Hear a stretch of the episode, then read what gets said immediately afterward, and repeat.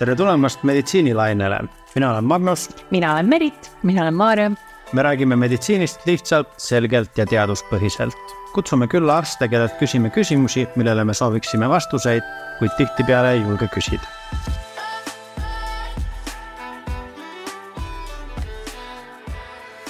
tere, Ingel. tere. tere ka minu poolt. sina oled naha- ja suguhaiguste arst-resident. täpselt nii me täna need suguhaigused jätame veel kõrvale, aga, aga naha võtaks küll ette. Ähm, ja selline asi nagu atoopiline dermatiit, mille osas ma arvan, et viimasel ajal räägitakse päris palju, aga võib-olla ikkagi ei oska veel päris hästi näpu peale panna, mis asi see on ja, ja, ja miks see tekib. Oi kui, kui loaded küsimus ja, ja väga sage teema väga,, väga-väga palju tuleb ette nii lastel kui täiskasvanutel atoopiline dermatiit on krooniline, mis tähendab, et püsiv. Äh, see tähendab, et kui ja. mul kuue-kuusena see tekib, siis suure tõenäosusega ma kuue, kuuekümne kuue aastaselt mul on see endiselt alles või mm.? no päris nii lihtne ei ole okay.. Äh, atoopiline dermatiit on selles mõttes, me ütleme krooniline, et äh, kestab pikalt ja välja ravida me teda ei oska mm -hmm. praegu. et ma räägin kõigepealt natuke, et mis me teame selle tekkest, kõike me tegelikult ei tea. aga see on äh, krooniline nahahaigus, põletikuline nahahaigus, äh, mis ähm, tekib nii geneetiliste kui väliskeskkonna tegurite koosmõjul.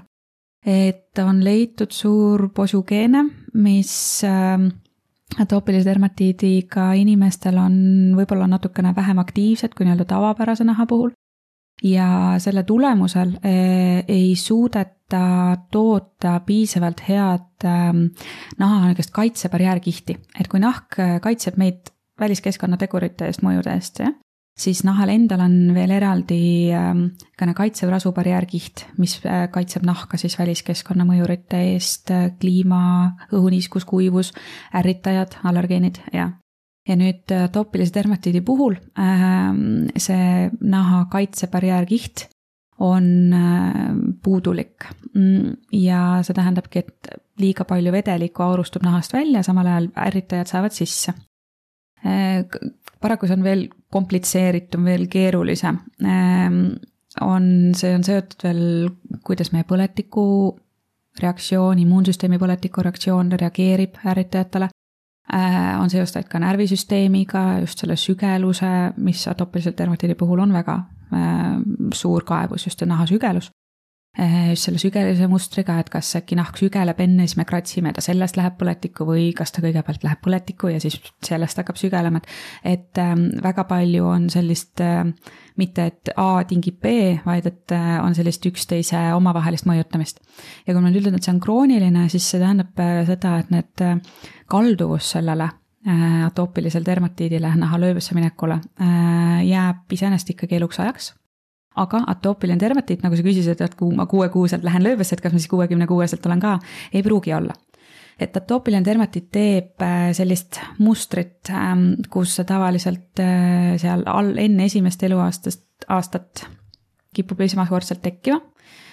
siis on ta natuke ühtemoodi haiguspildiga, sageli ta taandub suuresti ka iseseisvalt, et aastaid probleeme ei ole seal väikelapse eas. Ainult selleks, et kuskil teismelise eas, täiskasvanu eas vaikselt nagu tagasi tekkida. kõigil seda ei juhtu, mõnedel see ongi ainult väike beebiea probleem ähm,. aga olulisel, olulisel hulgal ikkagi atoopilise dermatiidi patsientidest meil on, on, ongi täiskasvanu ja patsiendid lööve on natukene erinev ka, et äh, väikelastel on sageli põsed on need karedad, lõuots on kare, just sirutuspinnad nagu säärte eespinnad, küünarvartepinnad, kõhupiirkond on sellised, kõigepealt lähevad võib-olla natuke kuivaks ja karedaks, siis punetavaks, võivad tekkida väiksed punnikesed ka sinna ja sageli lapsed on väga häiritud, kratsivad ennast niiviisi öö läbi ja keegi ei saa magada lõpuks. täiskasvanu eas või ütleme, vanematel lastel juba see lööb äh, lokalisatsioon, et kus see paikneb, äh, muutub selliseks natuke klassikalisemaks, küünarlohud, põlveõndlad. Äh, need sügelevad, need muutuvad karedaks, punetavaks, kuivaks, natuke võivad ketendada ja nahajoonis süveneb, et kõik need väiksed, kui me vaatame oma nahka väga-väga lähedalt, siis me näeme, et seal on väiksed siuksed pisikesed joonekesed niiviisi jooksevad mm -hmm. mööda nahka mm. -hmm. Need äh, muutuvad intensiivseks ja süvenevad, jah, et seda, seda sageli näeb nende küünarlohkudes põlve õnneldes, aga ka näopiirkond, silmalaud, kael, keretüvi, et kus see lööve võib olla. Et äh, me saame, ütleme, ravi ja õige hooldusega väga palju mõjutada, kuidas see haigus kulgeb, aga, aga ennetuseks väga palju teha paraku ei saa praeguste teadmiste juures ja välja ravida me ka paraku ei saa, sest et see kalduvus, et nahk reageerib, nii nagu ta atoopilise dermatiidi puhul seda teeb, seda me paraku ära võtta ei saa aga mul on see küsimus, et äh, kuidas ma ikkagi saan aru selle kuue-kuuse puhul, et tegemist on atoopilise dermatiidiga, mitte mingisuguse mis iganes muu asjaga, mis beebidel teinekord külas mm. käib äh, no esimene, mis viitab just atoopilisele dermatiidile, on see, et kas laps on nagu väga häiritud või ei ole. et kuigi klassikalisel juhul atoopiline dermatiit on niisugune kuiv ja kare, äh, siis iga kuiv ja kare nahk ei ole kohe atoopiline dermatiit, et siin on oluline just see sügelemine ja kratsimine ja selle näeb päris kergelt ära, et laps kratsib konkreetselt neid, neid sügelevaid laike. Nad on võib-olla virilad, nad ei maga hästi. Mm, ja, ja sageli kaasneb ka just see punetus ja, ja, ja võib isegi, kui on väga intensiivne lööve, võib ka leevendada jälle seda koevedelikku niiviisi immitseda mm. välja sealt nahast, kui ta on väga intensiivne, et ähm, atoopiline dermatiit kipub äh, halvemaks minema sügisel Äh, kui on mingi suur temperatuuri vahetus, õues külm ja niiske, toas kuiv ja soe, siis me sageli näeme seda, seda muutust. Äh, erinevad materjalid võivad ärritada, et lambavill on sageli, vanaema paneb mingi kareda mütsi pähe ja siis või salli kaela ja siis pärast on see kael ja, ja põsed on üles ärritunud, et seda, seda ka võib tulla, et, et et põhiline võib-olla on just, et see sügelus või lapse viiril olemine, et äh, sellist laialdast äh, punetavat kuiva löövet ega lapse ees väga, väga palju ei olegi. lapse nahk võib lihtsalt kuiv olla või kare olla, aga kui ta ei sügele ja ei, tal midagi häda ei ole, siis otseselt midagi sellega tegema ei, ei pea, kreemi panna võib loomulikult, aga aga see jah, nii-öelda haiguslikuks seda lihtsalt lugeda ei saa, et sügelus võiks olla see põhiline märk aga kuidas, äh, mis, mis atoopilise dermatiidi ja allergia omavaheline seos on mm,? ja hästi, äh, hästi kirglik küsimus, ma võin öelda. et. Äh, meil on nüüd kirglikud, kirglikud küsimuste voor täna. absoluutselt, et äh, allergial kindlasti on äh, suur roll atoopias äh,, atoopilises dermatiidis. et on näidatud, et atoopilise dermatiidiga lastel on äh, Äh, allergiaid, eriti just ütleme toiduallergiaid, kui me räägime väikelastest siin jah, toiduallergiaid, äh, neil on rohkem kui tavapopulatsioonis. Äh, ütleme, mis nad siin, vaatasin statistikat eile, et viimaste andmete järgi kuskil kümnel kuni kahekümnel protsendil atoopilise dermatiidiga lastest on mingi toiduallergia. versus tavapopulatsioonis on toiduallergiat noh, ütleme üks kuni kolm protsenti, noh et noh, ligemale kümnekordne vahe. küll aga ma tahan juhtida tähelepanu, et kõikidest atoopilise dermatiitidega lastest ainult kümnel kuni kahekümnel protsendil ehk siis kuni viiendikul on mingi toiduallergia. et äh, teistel tegelikult ei ole mingit toidu, konkreetse toiduaine grupiga mingi sihukest ägenemise teket, atoopilise dermatiidi ägenemist. ehk siis sellele toiduallergiale pannakse väga palju rõhku ja kindlasti on noh, osa lapsi, kellel see ongi suure kaaluga, aga võib-olla see muu nahahooldus jääb natukene nagu tahaplaanile, et et see atoopilise dermatiidi puhul nahk on mõjutatud väliskeskkonna teguritest, sisekeskkonna teguritest, sellest, mis kreem sinna naha peale jõuab või ei jõua. et, et see toiduallergia ei pruugi olla see juhtiv tegur, miks see nahk läheb karedaks ja kuivaks kui me räägime konkreetselt allergia, jah, ähm, atoopiline dermatiit on küll seoseline jah allergiatega, nagu ma ütlesin, et äh, selgelt atoopilise dermatiidiga laste seas on neid toiduallergia, allergiaid, allergikuid rohkem. ja kui atoopiline dermatiit jääb väga ravimata, siis äh, võivad noh, muidugi ka ravifoonil, võivad kujuneda välja ka allergiline nohu natuke vanemas eas, õietolmudele, tolmulestadele, kassidele, koertele ja nii edasi, klassikalised, mis meil siin Eestis on. Mm, aga ka allergiline astma, siis noh, samad, samamoodi sissehingatavate allergeenide foonil. Mm, äh, mis on toiduallergias äh, juhtivamal kohal, on äh, kanamuna, lehmapiim, nisu mitte gluteen, vaid just nisu, nisuvalgu vastu noh, allergiline reaktsioon. Äh, mingil määral ka pähklid ja kala. Äh, positiivse külje pealt äh, väikelapsed ikkagi kasvavad välja nendest toiduallergeen, allergeenidest, sageli mm. piimast ja munaallergiast, et võib aeg-ajalt jälle natukene pakkuda ja proovida mingisuguste mõnekuuste vahedega ja, ja sageli see kaob ära, et võib-olla pooleaastaselt lehmapiim tekitas aga aastaselt enam ei ole üldse probleemi et äh, see on nagu see positiivne külg. mis ei kasva väga, millest ei kasvata välja nii väga, on kala ja, ja pähkel, mis kipuvad püsima jääma, aga siin ma ütlen ausalt, allergoloog oskab paremini teile sellest mm -hmm. rääkida, äkki kutsute mõni teinekord äh, mõne allergoloogi ka aga äh, kui nüüd vanemaks saada vanemas eas, täiskasvanu ja atoopilise dermatiidi puhul, siis need, siis need toiduallergeenid ei ole nüüd nii määraval kohal. et ähm, nagu ma ütlesin, hästi kirglik teema, sageli küsitakse või minnakse, et kas nüüd ema ei tohi mitte midagi süüa rinnapiimaga imetades või et ähm, mis noh, tehakse kohe võib-olla väga rangeid niisuguseid välistamist ei jäeta. Ähm, kui ei ole ikkagi objektiviseeritud, äh, et oleks allergia piima, muna, mille iganes vastu või ähm, kui on tehtud välistamise dieeti kodus, et noh, ei ole pääsenud allergoloogile, oleme ise jätnud välja piima seal mitmeks nädalaks, aga laps on ikka lööbes, siis noh, mingit põhjust tegelikult seda piima edasi vältida ei ole. et ähm, äh, see on natukene keeruline teema, kus anda üks-ühele vastust. aga jah, meie nahaarstid on natuke rohkem sellel seisukohal, et, äh, et kõik need muud tegurid on natukene unustatakse ära mis jah, meie, meil ongi, meie kliimas ongi see ilm äh,, mõjutab ka näiteks õhusaaste, mis ei ole ju üldse meie kontrolli all äh,. kui kare vesi tuleb kraanist või kui klooririkas, kipub ka seda nahka kuivatama, et äh, kui see naha enda barjäär noh, geneetilistel põhjustel on nõrgemapoolne või ei ole nii hästi balansis, siis piisab päris vähesest, et, äh, et seda löövet sinna tekitada ja seda sügelust jälle tekitada. siis algab see kratsimine, sest noh, nahk sügeleb siis ta läheb juba sellest kratsimisest põletikuliseks ja saab ärritunud ja, ja siis jääb selline ringiratas, niisugune nõiaring seal käima. et ei olegi võib-olla väga pistmist mingisuguse toiduallergeeniga, mis seal ükskord äh, sai sisse söödud, et, äh, et miks ta kaks nädalat hiljem ka ikkagi jätkuvalt sügeleb. et äh, meie rõhume väga palju just selle naha hoolduse momendile. aga kuidas seda siis hooldada mm,? hea küsimus, on ju.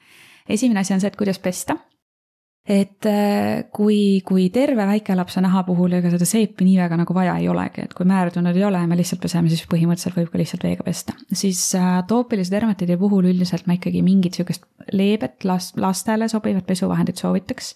või siis, kui täiskasvanu, täiskasvanutest rääkida, siis äh, täiskasvanutele sobivat niisutavat pesuvahendit. et mida seep teeb klassikalisel juhul, noh kuidas seep toimib, ta võtab rasva lahti, see on see, kuidas ta peseb, eks aga siis paraku seep äh, peseb meil sellise kaitsva, selle rasubarjäärkihi, nii vähe kui meil seda alles on, peseb selle ka maha. et ähm, apteegis on olemas jah, sellised pesuõlid või siis seebivabad pesuvahendid, mis aitavad äh, nahka pesta nii puhtaks, et ta seda rasubarjääri liigselt lahti ei võta. ja miks mitte lihtsalt veega pesta, on see, et vesi tegelikult oma olemuselt nahale on kuivatav et, et siis seda negatiivset mõju vältida ja, ja seepi seebiärritust võib-olla ka maha võtta, et siis võiks eelistada niisuguseid leebeid pesuvahendeid.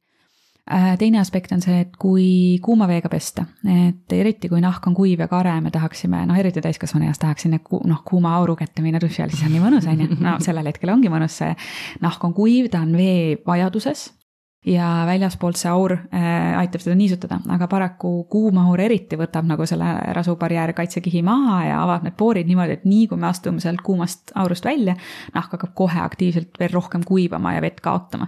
et selle tõttu võiks eelistada pigem jaheda veega pesemist väikelaste puhul siis noh, ütleme käesooja vett, et, et ei ole väga kuum, noh, ja ei ole liiga külm, et maha ei jahtuks ja mis on hästi-hästi oluline, on see baasniisutav kreem, jälle jõuan selle termini juurde, et baasniisutav kreem, baasniisutus on siis äh, niisutav kreem või salv äh,, mis ei sisalda noh, retsepti toimeainet, hormooni või, või kaltsineuriini inhibitorit, ehk siis äh, saab osta apteegist ilma retseptita. ja ongi mõeldud naha baashoolduseks, baas, äh, baasniiskustaseme taastamiseks. Äh, ja see baaskreemitamine on eriti atoopilise dermatiidi puhul, ta on see vundament, millele me kõik muu ravi tegelikult üles rajame.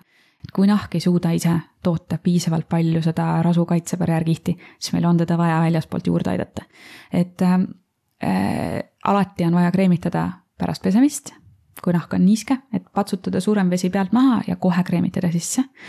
väikelastel eriti, aga täiskasvanutel samamoodi ja, ja ideeliselt, äh, kui on nahk väga kuiv ärritunud, siis võiks niisugune kaks korda päevas teda vähemalt kreemitada. Äh, kui on probleem just pigem täiskasvanute eas selle käte dermatiidiga, äh, käte nahk on kuiv, kare, läheb, hakkab sügelema, läheb lööbesse, et siis seda kätekreemi peab, peaks panema mitu-mitu korda päevas. väikelastel käte, käelabade seda dermatiiti nii palju ei ole aga, aga sellegipoolest, et kui nahk on kuiv ja kare, siis ta tahab kreemi.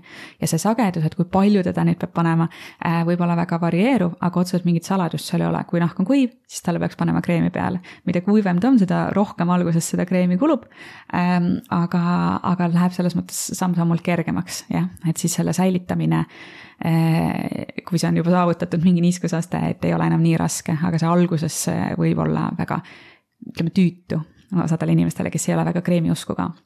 et äh, mis ma praktikast näen, mida kurdetakse, et äh, ma panen kogu aeg kreemi, aga siis ma küsin, et okei okay,, aga millal viimati sai mingi kreemituub ostetud?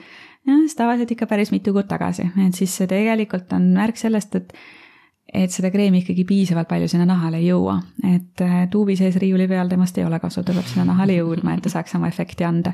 ja on oluline, et endale meeldiks, sest see ongi jälle temale või lapsele meeldiks et siin võib anda mis iganes soovitusi ja soovitused on alati väga toredad. Äh, mina soovitan ka pigem neid apteegi tundliku naha niisutavaid atoopilisele dermatiidile just suunatud kreemid, mis on seal täiesti olemas, see on väga suur maailm.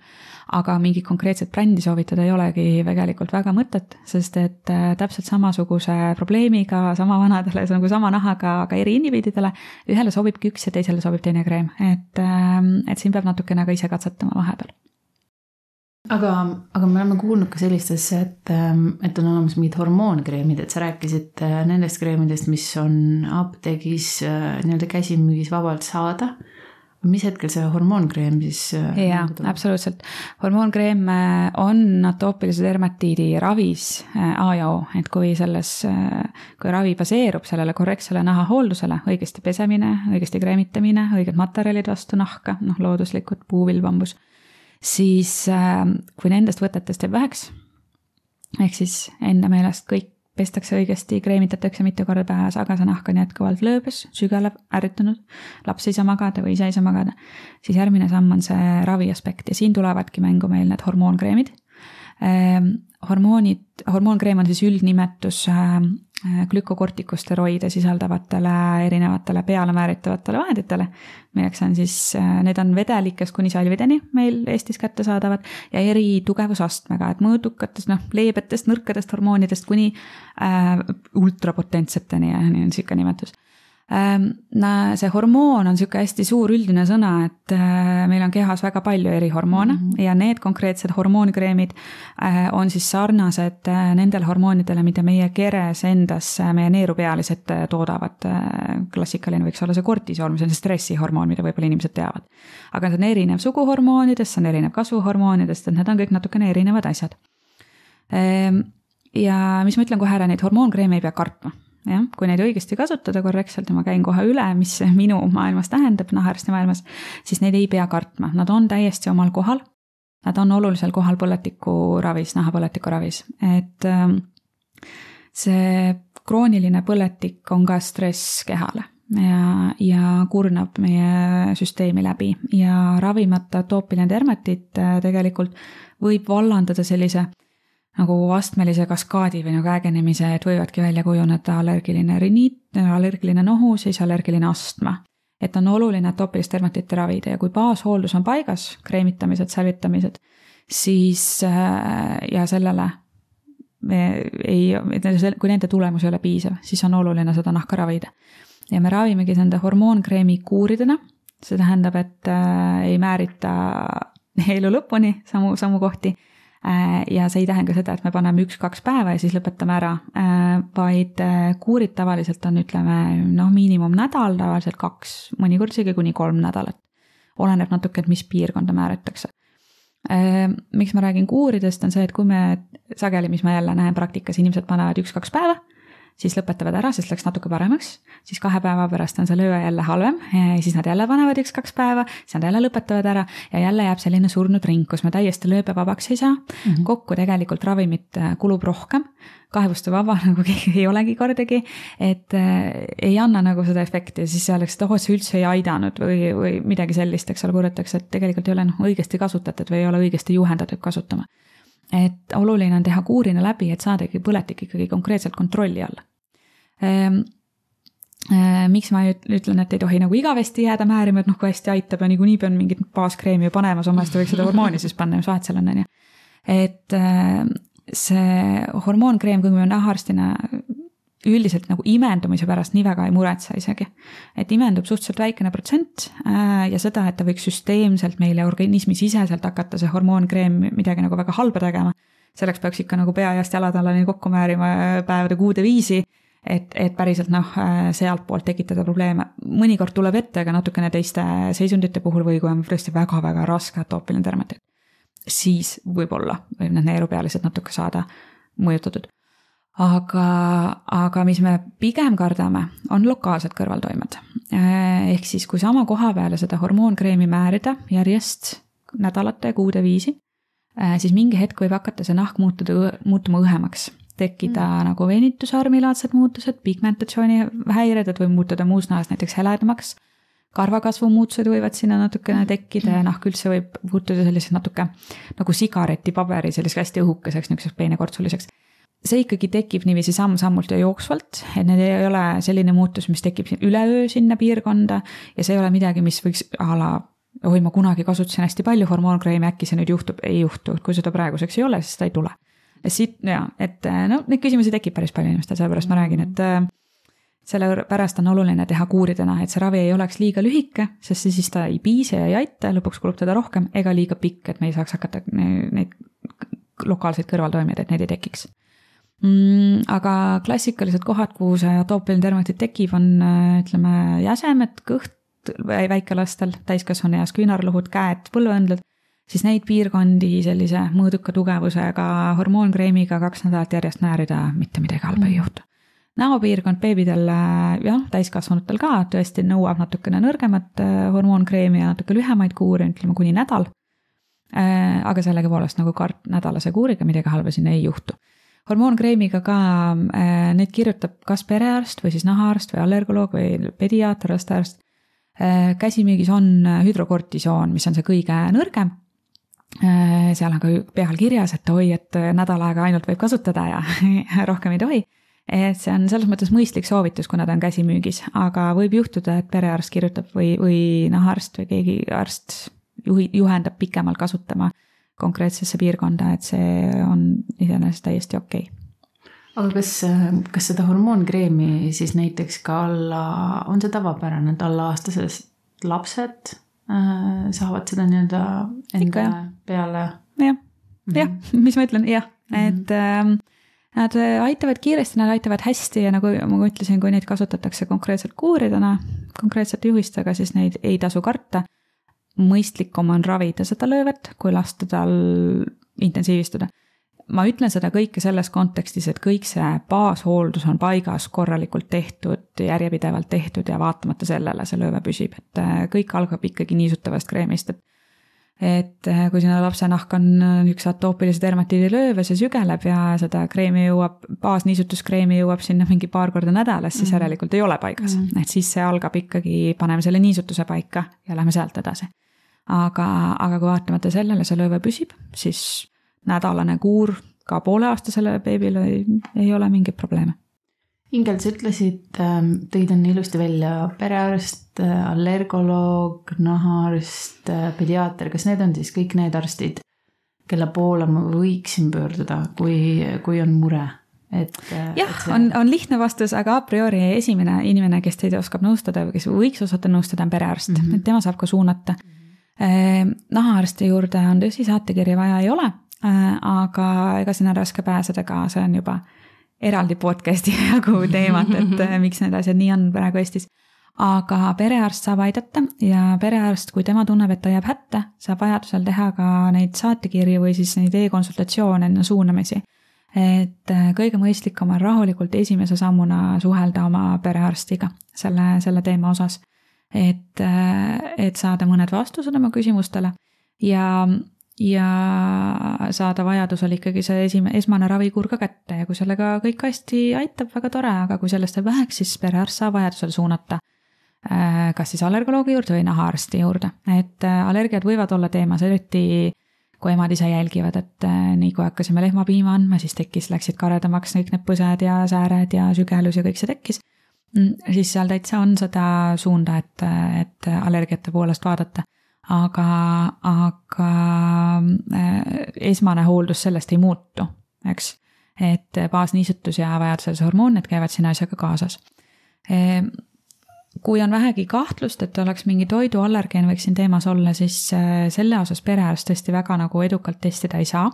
et üks asi on see, et me saame verest tõesti võtta teatud äh, nii-öelda allergeene jälle, mina ei ole kõige targem inimene siin rääkima sellest, aga mis juhtub paraku atoopilise dermatiidi puhul on see, et need markerid, mis me verest vaatame, et oi, kas on allergia jah või ei, ei ole kahjuks nii selgesti tõlgendatavad, sest et seal tekib sihukest reaktiivset tõusu nagu kõige, kõigele mm. -hmm. et tegelikult allergiat ei ole, et see, et analüüs on nagu kõigele maailma asjadele positiivne, ei tähenda, et on kõigile maailma asjadele allergia et selleks äh, on nahatorketestid, mida saavad teha, ütleme, laste polikliinikus Tallinnas teevad nahaarstid ka ja allergoloogid siis ja ma usun, et mingid pediaatrid ka, aga ma ei ole nii kursis, ma vabandan mm. -hmm. aga saab teha nahatorketeste siis ja siis selle järgi saab täitsa objektiivselt hinnata, et kas on allergia või ei ole. nagu ma enne ütlesin, siis äh, õnneks lapsed kasvavad välja väga sageli kuna meil see saade kirglikuks kiskus alguses, siis mul on jälle selline mm, nagu abstraktne küsimus, et kas me oleme ise lihtsalt teadlikumaks muutunud äh, või seda atoopilist dermatiiti on rohkem või meil tegelikult ei ole üldse mingeid andmeid, et seda kuidagi öelda, et jah, on või ei, ei ole.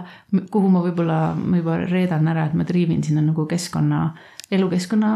ja meie elukeskkond on läinud puhtamaks et seda on mm -hmm. näidatud, et üks ähm, noh, seda on küll näidatud, et üks väljakujunemise põhjus on või võib-olla natuke liiga steriilne elukeskkond.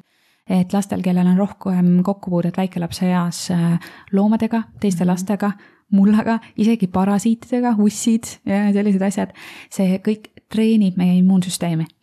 Äh, saab nagu Äh, teoritiseerida siin, et kui me oleme natuke liiga puhtas keskkonnas kasvanud, siis see terve see puuoks äh, immuunsüsteemist, mis muidu peaks saama igasuguste parasiitide ja molluskutega kokkupuudet, kui ta ei ole seda saanud, siis tal tekib natuke tunne, et oota, miks ma olen siin, ma ikka midagi peaks tegema ja hakkab reageerima asjade peale, mille peale ta ei peaks reageerima, no piimavalk või, või tolmulest või mis iganes. et ähm, et ühelt poolt äh, meil noh, Eestis ka meil on nagu hüppeliselt võrreldes, ma ei, ütleme kolmekümne aasta taguse ajaga need elukeskkonnas siseselt muutused toimunud. Äh, ja, aga teine pool kindlasti ongi see teadlikkus ja see kokkupuude, et äh, ja noh, ütleme tegelikult võimalused ka, et mis me nagu saame teha nende nahahoolduse osas. ja võib-olla meie see standard on ka läinud kõrgemaks, et mis me nagu ütleme, et on okei okay oma veebinaha peal ja mis me ütleme, et ei ole okei okay., et et ma arvan, siin on mitu asja kokku. Äh, aga see ei ole, kui lohutab, siis see ei ole ainult Eestis, see on kogu see läänemaailm mm.. et äh, meil on, äh, siin me oleme küll oleme jõudnud Euroopasse mm, -hmm. et numbrite mõistes ikka sarnaneme, sarnaneme läänemaailma tasemega siin nende allergeenide ja, ja selle fooni osas või noh, allergiate ja atoopilise dermatiidi selle, selle, selle keskkonnaga ühesõnaga lapsed koos äh, koeraga õue. ja mulda, mulda sööma, täpselt, mhm. mulda, mulda sööma õue ja rullima sinna. ja eh, mis ma veel ütlen, et eh, emad võiksid tarbida võimalikult mitmekülgset toidumenüüd, kui eriti, kui nad annavad rinda, et lapsel oleks läbi rinnapiima kokkupuudet kui siin on teatud erandid, kellel on rasket äh, allergiad emal teada või on väga suur risk lapsel, näiteks mõlemal vanemal on väga väljendunud atoopiline dermatit, väga palju allergeene, äh, siis, äh, siis seal on natukene nagu teised juhised, mis antakse, aga üldiselt, mis nii palju, kui ma siit vaatasin, just hirmuga eile valmistusin ette mm -hmm. tänaseks et mis on ikkagi välja toodud, et soovitatakse, vähemalt praegune seisukoht on selline, et soovitatakse võimalikult mitmekülgset menüüd emadele, et läbi rinnapiima laps puutuks võimalikult paljude erinevate nende antigeenidega kokku ja antigeen on siis see, mille vastu üldse meil tekib selline allergiline reaktsioon, kui ta tekib. et, ähm, et oleks võimalikult niisugune mitmekülgne keskkond lapsele nii toidu poole pealt kui välis, väliskeskkonna poole pealt tõesti. et see immuunsüsteem saaks niiviisi jõuliselt välja, välja kujuneda, nii nagu ta teoorias võiks olla, mitte hakata üle reageerima sihukestele natuke süütutele asjadele nagu, nagu õietolm või tolmulest, on ju. no siin on äh, juba kirgede torm, sellepärast et äh, väikelapse emana ma ütleks seda, et hästi palju on ka seda soovitust kuskilt seal teise-kolmanda kuu paiku, et äh, kui lapsel on gaasid, siis jäta, jäta lehmapimm välja mm. -hmm. ära jumala eest pähkleid ära söö mm. -hmm. no kaerelpuder, no okei okay Äh, mis seal veel on, saiakesed, äh, no šokolaad jumala eest kindlalt mitte. ja, no, ja ongi, no, ja, hästi siis... palju segavat infot, eks ole, või vasturääkivat infot ja, tuleb just. ka, et ja raske öelda, et mis on nagu õige või vale, et otsisin ka, lootsin, et ma leian väga üks-ühele paikapaneva vastuse mm., et mis siis on rinnapiima osas ehm, jälle mina räägin nagu nahaarsti seisukohast, kui ma viimasel konverentsil käisin ja ekstra küsisin atoopilise dermatiidi, seal olid suured juhtivad Euroopa paneel, eks ole, oli seal ja küsisin selle ma kohta. valmistasid meie saateks. jaa, absoluutselt, mitu aastat ette juba valmistasin, absoluutselt. Eh, siis ma küsisin selle kohta, eh, ma küsisin eh, tegelikult selle tõttu, et minu kunagine toanaaber ülikooli ajast, ise on silmaarst, temal oli ka beebi, mõtle beebil ka oli atoopiline dermatiit. Ja ma nagu nõustasin ta ära, aga siis ta läks ka oma perearsti juurde ja siis perearst oli, et jaa, jäta kõik, kõik asjad mm., rinnapiim, noh, mitte midagi põhimõtteliselt ei tohtinud süüa enam ja nii siis äh, Talja sattus ka väga segadusse ja kuna ma just olin sinna konverentsile minemas, siis ma ekstra sealt küsisin. nahaarstide seisukoht on selline, et ei äh,, ei peaks jätma välja, kui ei ole selgelt objekt-, noh, väga konkreetseid seoseid, et ema sööb lehmapiima, jood klaasitäie ära ja annad äh, lapsele rinda ja siis kolme tunni pärast laps on äh,, läheb üleni järsult löömasse. et kui need seosed ei ole konkreetsed ja ei tule nii hästi välja siis sellise leebe kuni mõõduka atoopilise dermatiidi puhul äh, ei ole vajadust äh, jätta menüüst välja, ema menüüst välja. jälle ütlen ausalt, need on muutumises need soovitused, et äh, kui, meil kujuneb rohkem infot suurte, suurte uuringute põhjal, siis, äh, siis võib-olla, et ma täna räägin ühte juttu, aga viie aasta pärast teen uue podcast'i ja siis ma ütlen nagu mingi teise jutu või ütlen konkreetsemalt, ärge mitte midagi jätke menüüst välja, ma ei tea seda ette on raske teha objektiviseerivaid uuringuid, ehk siis äh, öelda konkreetselt jah või ei nende teemade puhul, sest et äh, see atoopiline dermatiit, nagu ma ütlesin, nii mitmekülgne teema, et see on väga mõjutatud ka väliskeskkonnast ja et mis otse sinna nahale jõuab, mitte ainult äh, läbi toidu. et, et on raske ka suurte uuringute põhjal öelda, et kindlasti on seos X või Y-ut pidi. Kui nüüd jätta midagi enda menüüst välja lapsevanemana, emana, jah, või, või lapse menüüst ka, kes juba ise sööb et siis see väljajätmine võiks olla mm, pigem nagu ühe toiduainegrupi kaupa. et või siis alternatiiv, kui on tõesti väga väljendunud atoopiline et okei okay,, jätame kõik välja paariks nädalaks ja siis vaikselt hakkame ükshaaval tooma sisse-tagasi, et vaadata, et millele siis nagu tekib seda reaktsiooni või mitte.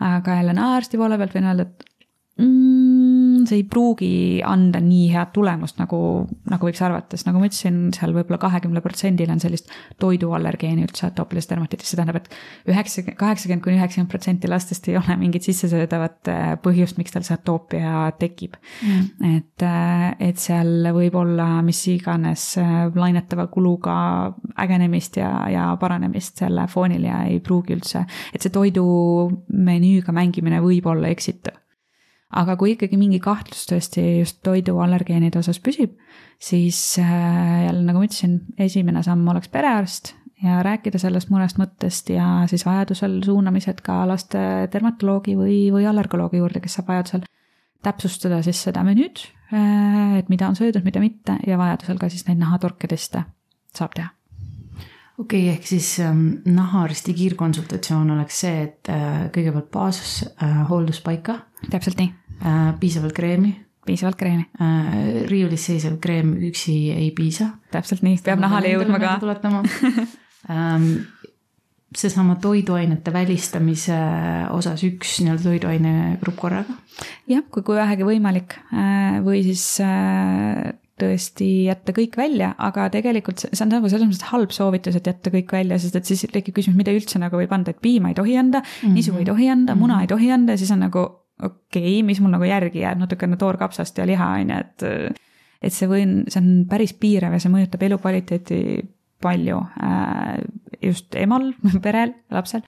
Et äh, see ja just on küsimus, et kui see valdava enamuse jaoks ei ole üldse nagu vajalik või ei oma mingit efekti, et siis esmane soovitus siis olla see, et jätta kõik asjad välja, aga no proovida võib, aga siis tasub seda proovida järjepidevalt, et kui jätta midagi menüüst välja, siis see peab olema ikkagi konkreetne, et üldse ei tarbi seda toiduainegruppi, et mm. -hmm Äh, muidu ei ole nagu võimalik üldse midagi objektiivselt öelda mm. -hmm. et ma ei, noh ei, ma ei, väga ei tarbi, no ikka kohvi peale ikka panen piima ja, ja ikka no, juustoid ikka söön. see ei loe. jaa, see ei loe täpselt okei okay,, ja, ja siis võib-olla ka see, et äh, laske lastel olla lapsed, las nad hüppavad sinna porilõiku ja kallistavad koeri ja. igasugused safeguard seebid ja sellised asjad mm. -mm et äh, kui just arst ei ole konkreetselt määranud, et praegu tuleb mingit antibakteriaalset seepi kasutada, siis selleks ei ole vajadust leebed pesuvahendid, mis ei lõhu seda naha mikrobarjäärkihti. Aga ja mõllata võiks kokkupuude teiste lastega, loomadega on kõik näidatud, et on pigem kaitsvad. jah, ema mitmekülge, külgne menüü. ja see on see safeguard täpselt okay. mm, -hmm. et, äh, et sihuke võimalikult mitmekülgne võiks olla see elukeskkond, kasvukeskkond tegelikult lastele. ma usun, et see Covidi aeg võis päris palju mõjutada seda, et ka selline Covidi aja beebid. aga Äh, laske, laske mudas müllata täpselt. Hea, ilm on, ilm on täpselt selline, et, et korralik nagu mülgas ootab. no jaa äh,. Ingel suur,, suur-suur aitäh sulle mm, ja kui jälle mõnel heal konverentsil käid, siis äh, siis ma jälle küsin selle kohta ja kui midagi muutub, siis ma, siis ma annan teada täpselt, super, ootame sind tagasi. super, aitäh teile aitäh, et oled meiega meditsiinilainel. leiad meid ka Instagramist ning postkasti ootame küsimusi ja tagasisidet. kohtumiseni järgmisel lainel